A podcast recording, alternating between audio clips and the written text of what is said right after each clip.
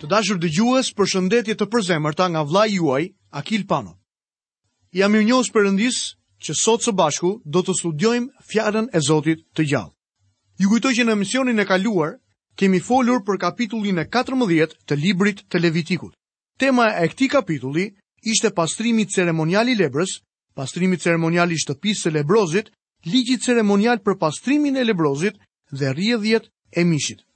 Sot do studiojmë kapitullin e 15 të librit të Levitikut.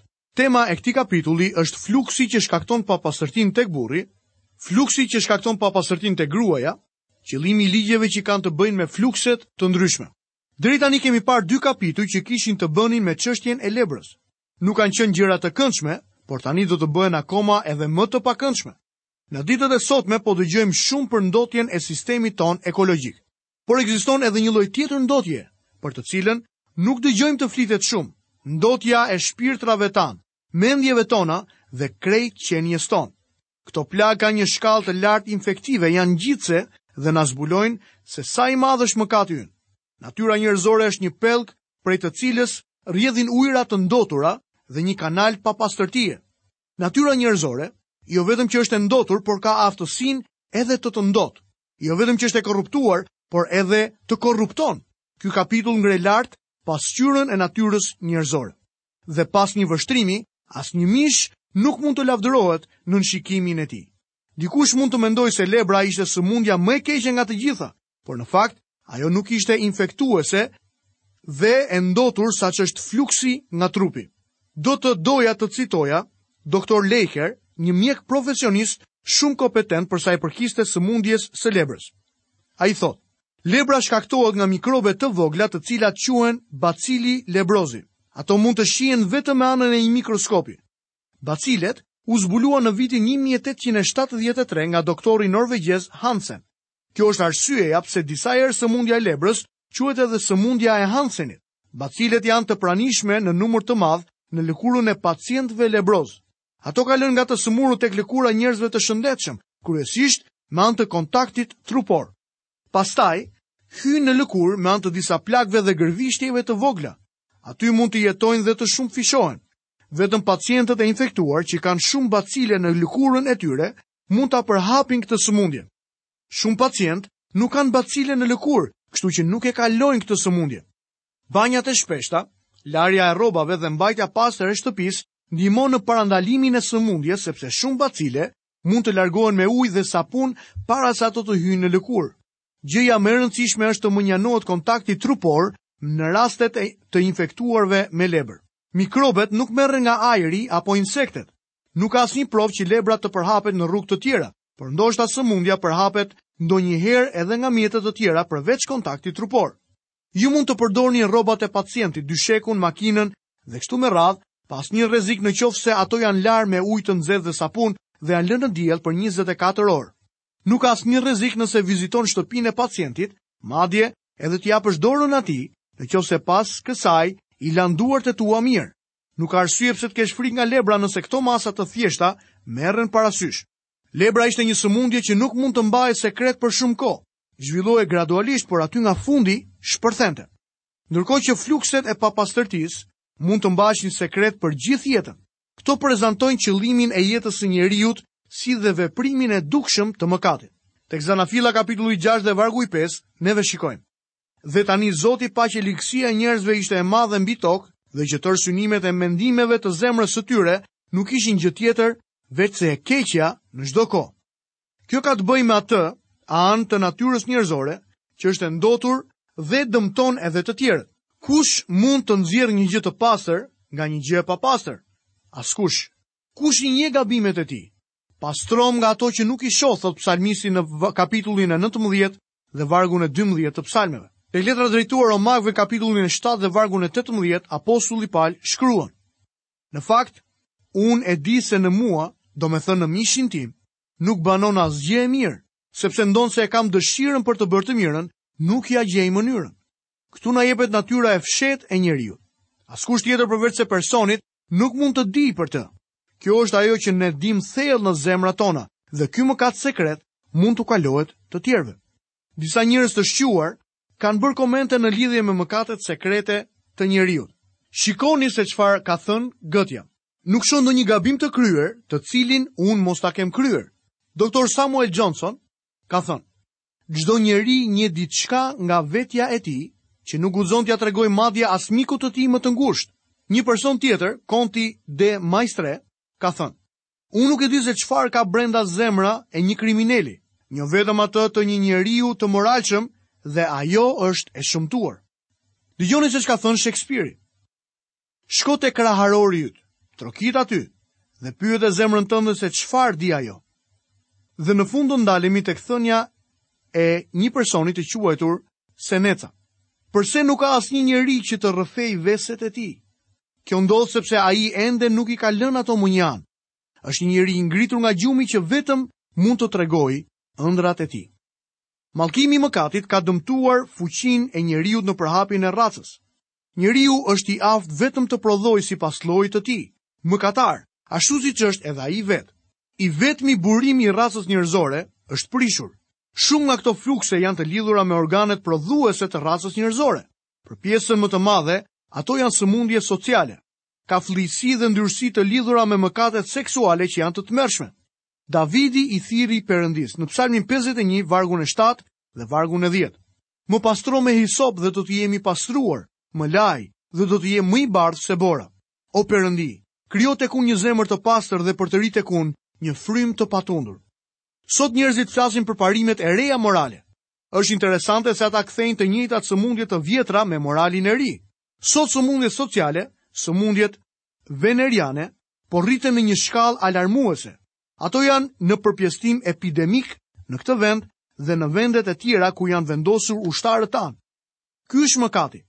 Ai e robëron një person nga gëzimi i shpëtimit të tij. Mund të duket e çuditshme që Perëndia flet kaq shumë për një subjekt të tillë. Gjithsesi ai i jep njeriut një pamje të plotë të pasojave të mëdha dhe të tmerrshme të mëkatit. Ne marrim një pamje të pazakontë në këtë kapitull, ja pse duhet të kujtojmë fjalët e apostullit Pal, i cili tha: Sepse të gjitha gjërat që u shkruan në të kaluarën, u shkruan për mësimin tonë, që me anë të këmbënguljes dhe të ngushëllimit të shkrimeve, të kemi shpresë. Le të shohim tek Levitiku fluksin që shkakton papastërtinë tek burri. Lexojmë kapitullin e 15 të Levitikut, vargun e parë. Zoti u foli akoma Moisiut dhe Aronit, duke thënë, Perëndia u drejtohet të dyve Moisiut dhe Aronit. Në kapitullin e katërmbëdhjetë që konsiderohej si Ligji i Lebrës, Perëndia iu drejtua vetëm ligjdhënësit, Moisiut. Aroni si kryeprift është një pamje profetike e kryepriftërisë. Vetëm Zoti Jezus mund t'u japë ngushëllim dhe kuptimin të pikëlluarve. Vetëm Ai mund të zgjasë mëshirën dhe hirin. Kryeprifti ynë i lartë nuk mund të preket nga mëkatet tona, por nga ndjenjat e dobësisë sonë, sepse ai u tundua në të gjitha gjërat ashtu siç ne, por pa mëkatuar. Lexojmë vargun e dytë dhe të tretë. Foluni bijve të Izraelit dhe u thoni atyre, kushdo që ka një fluks nga trupi i tij, ky fluks është i papastër. Papastërtia e tij është prodhuar nga fluksi. Ai është i papastër për sa kohë që fluksi i trupit të tij është ende në veprim. ashtu dhe kur fluksi në trupin e tij është ndaluar. Kjo gjuhë e gjallë zbulon se sa e pështirë e pakëndshme e neveritshme fyese, e papastër, krejtësisht e korruptuar është natyra njerëzore. Qelbi i mëkatit rrjedh nga zemra njerëzore. Ne mund ta shohim atë rreth nesh dhe brenda nesh. Ndotja është këtu. Ne nuk mund të kemi kontakt me njëri-tjetrin pa ndikuar në jetët tona. Sepse natyra njerëzore, jo vetëm që është e korruptuar, por edhe ka aftësi të korruptojë. Unë dhe ti influencojmë njëri-tjetrin. Unë jetoj jetën time në ty dhe ti jeton në mua. Nuk mund të jetë ndryshe. Ti je një predikues pavarësisht nëse e di apo jo këtë gjë. Ti predikon të tjerëve nëpërmjet mënyrës tënde të të jetuarit.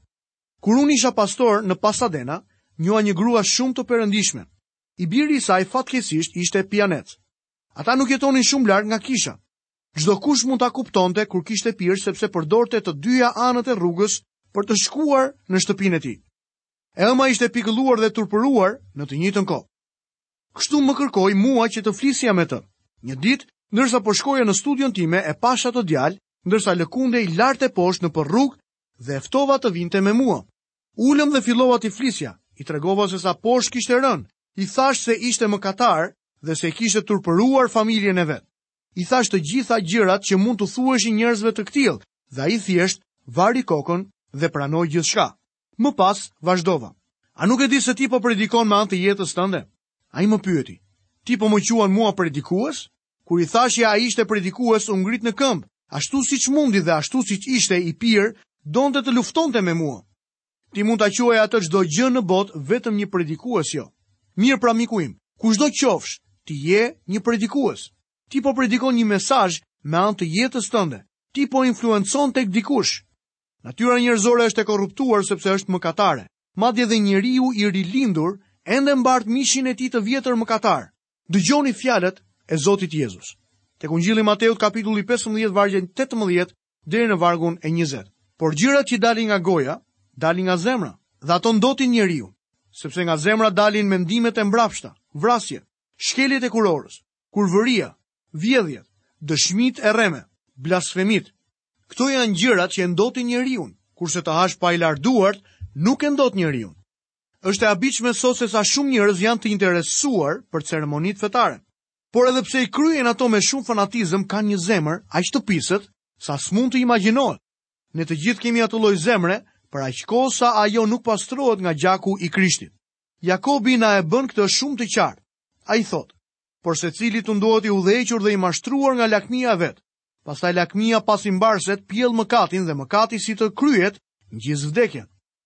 Apostulli Pal thirri në dëshpërim, Unë e di se në mua, domethënë në mishin tim, nuk banon asgjë e mirë. Plaga e mëkatit mund të jetë e dukshme ose e padukshme. Mund të rrjedh gjak dhe qelb ose mund të mos shfaqet në sipërfaqe, por gjithsesi ajo është ende aty.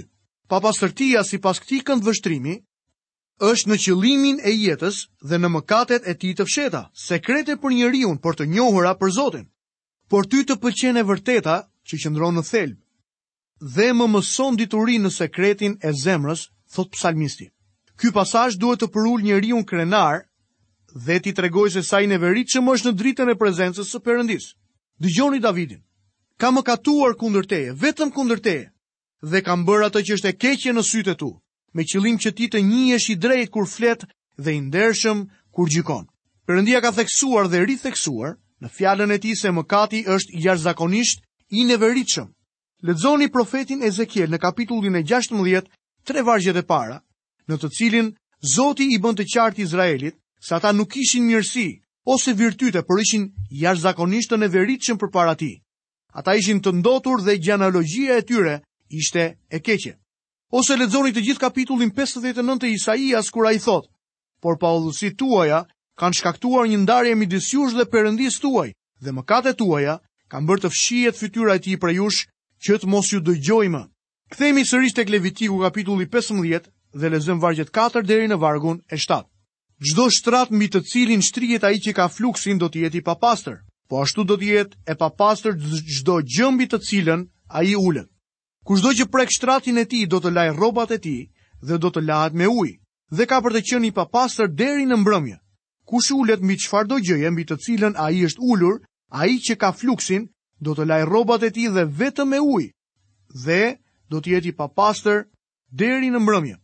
Kush prek trupin e atij që ka fluksin, do të lajë rrobat e tij dhe do të lahet në ujë dhe do të jetë i papastër deri në mbrëmje. Çdo gjë mbi të cilën ai do të ulej dhe çdo gjë që do të prekte ishte e papastër. Perëndia e ka fjalën për jetën personale të njerëzve të tij. Ligji i tij arrinte edhe në fushat më të parëndësishme të jetëve njerëzore. Ai madje i ruan ata edhe kur flenë. Njeriu me rrjedhje fluksi ndoste shtratin mbi të cilin flinte, madje edhe ëndrrat e tij ishin të papastra. Shpesh një person e kalon një natë pa gjumë, jo duke numëruar dele, por duke kujtuar mëkatet e tij me kënaqësi epshore. Perëndia është i interesuar për atë që ne mendojmë kur shtrihemi mbi jastëkët tanë. Ai do të kontrollojë synimin e jetës sonë. Tek letra drejtuar Filipianëve në vargun e 8 të kapitullit të 4, apostulli Pal thotë: Së fundi vëllezër, të gjitha gjërat që janë të vërteta, të gjitha gjërat që janë të ndershme, të gjitha gjërat që janë të drejta, të gjitha gjërat që janë të pastra, të gjitha gjërat që janë të dashura, të gjitha gjërat që janë me famë të mirë, Nëse ka ndonjë virtyt dhe nëse ka ndonjë lëvdim, këto mendoni. Perëndia është i interesuar për ty. Ai është i interesuar për ty kur ecën dhe kur shtrihesh. Ai është i interesuar në çdo gjë që prek dora jote. Kur ulemi në një karrike dhe bisedojmë për çështje të ndryshme sociale, ai është i interesuar në bisedat tona. A e përhapim ne virusin e mëkatit tonë? Perëndia është i interesuar për punët tona dhe kontaktet tona sociale. Kontakti fizik midis të pastrës dhe të papastrës gjithmonë çon sëmundjen tek e pastra. Miku im, ne nuk mund të ecim nëpër rrugë pa u bërë me pluhur. Dëgjojmë fjalë të pista, shohim piktura, tërhiqemi nga publiciteti, pornografia dhe propaganda. Ne bëhemi vazhdimisht me pluhur. Duhet të jemi të vetëdijshëm për këtë. Të pohojmë mëkatet tona dhe të pastrohemi prej Perëndisë. Ne të gjithë kemi një lëkurë me lebër, këto flukse plagësh kate tona të fshehura. Lexojmë vargjet 8 deri në vargun e 12. Në qoftë se ai që ka fluksin përshtyn mbi dikë që është i pastër, ky do të lajë rrobat e tij dhe do të lahet në ujë dhe do të jetë i papastër deri në mbrëmje. Çdo shalë mbi të cilën hipën ai që ka fluksin do të jetë e papastër. Kushdo që prek çfarëdo gjëje që ka qenë nën të, do të jetë i papastër deri në mbrëmje. Kushdo që transporton këto sende do të lajë rrobat e tij dhe do të lahet me ujë dhe do të jetë i papastër deri në mbrëmje. Kushdo që prek atë që ka fluksin pa i larë duart, duhet të lajë rrobat e tij dhe të lahet në ujë dhe do të jetë i papastër deri në mbrëmje. Ena prej balte e prekur nga ai që ka fluksin do të thyhet dhe çdo enë prej druri do të lahet në ujë. Ajo zbret deri atje ku një person ndjen neverinë, por zbulon ligësinë e mëkatit nga kontakti. Rregullat e mëparshme kishin të bënin me sjelljen në shtëpi, ndërkohë që tani vazhdojmë me kontaktin në rrugë ose në publik. Disa nga këto mund t'i quajmë kontakte aksidentale. Ne shohim këtë gjë edhe sot. Një besimtar shpesh e gjen veten e tij në një vend publik ose në një rrugë dhe ndonjë person i ulët me shpirtligësi në zemër, hap gojën e tij dhe nxjerr një blasfemi të fortë dhe shumë të keqe. Kjo është ndotja. Një besimtar mund të ndihet i papastër pasi largohet nga ky grup dhe ai është i papastër. Ai duhet të lahet. Kjo është arsyeja pse është shumë e rëndësishme që ne të qëndrojmë në fjalën e Zotit. Psalmi 119, vargu i 9, na tregon. Si mundet një njeri të bëjë rrugën e tij të pastër, duke e ruajtur me fjalën tënde. Në këtë jetë ka shumë flliqësi që na bëjnë të papastër. Dëgjoni fjalët e Zotit tonë Jezus. Po nuk të lava, ti nuk do të kesh pjesë në mua. Kjo do të thotë se nuk mund të kemi miqësi me Zotin Jezus nëse nuk lahemi më parë prej tij. Ju tashmë jeni të pastër për shkak të fjalës që ju kumtova. Dhe më pas Jezusi thotë, shenjtëroji ata o atë në të vërtetën tënde, fjala jote është e vërteta. Le të lexojmë te kapitulli 15 i librit të Levitikut, vargjet 13 deri në vargun e 15. Kur ai që ka fluksin është pastruar nga fluksi i tij, do të numërojë 7 ditë për pastrimin e tij. Pastaj do të lajë rrobat e tij dhe do të lajë trupin e tij në ujë të rrjedhshëm dhe do të jetë i pastër. Ditën e tetë do të marrë dy turtuj ose dy pëllumba të rinj dhe do të vijë përpara Zotit në hyrje të çadrës së mbledhjes dhe do t'ia japë priftit. Prifti do t'i ofrojë njërin si flijim për mëkatin dhe tjetrin si olokaust. Kështu prifti do të bëjë shlyerjen për të përpara Zotit për shkak të fluksit të tij. Sërish këtu na paraqitet uji dhe gjaku. Gjaku heq fajin e mëkatit, ndërsa uji heq njollën e tij. Shpirti i Shenjtë duhet të përdorë sakrificën e Zotit Jezu Krisht në ato mëkate të fshehta në jetën tonë sot. Miqtë e mi, a e shikoni se çfarë përshkruan kjo çështje? Është një kapitull i neveritshëm dhe unë edhe ti duhet të rrëfejmë se ky është një nga shembujt për ty dhe mua. Ne duhet të rrëfejmë mëkatet tona të fshehta dhe të pastrohemi prej tyre. Përpara teje pranova mëkatin tim, nuk e fsheha paudhësinë time. Thashë, do t'ia rrëfej shkeljet e mia Zotit. Dhe ti e ke falur paudhësinë e mëkatit tim. Thotë Psalmi 32, vargu i 5. Po t'i rrëfejmë mëkatet tona, Ai është besnik dhe i drejtë që të na falë mëkatet dhe të na pastrojë nga çdo paudhësi. Dhe me këtë varg, nga letra e parë e Gjonit, kapitulli i parë dhe vargu i nëntë, unë dua që të mbyllim dhe emisionin e sotëm, duke uruar dhe duke shpallur të gjitha bekimet dhe paqen e Zotit Jezu Krisht mbi jetën tuaj. Nga vëllai juaj në Krishtin Akil Pano, keni të gjitha bekimet e Perëndisë në jetën tuaj. Bashkë, mirudëgjofshim në programin e ardhshëm.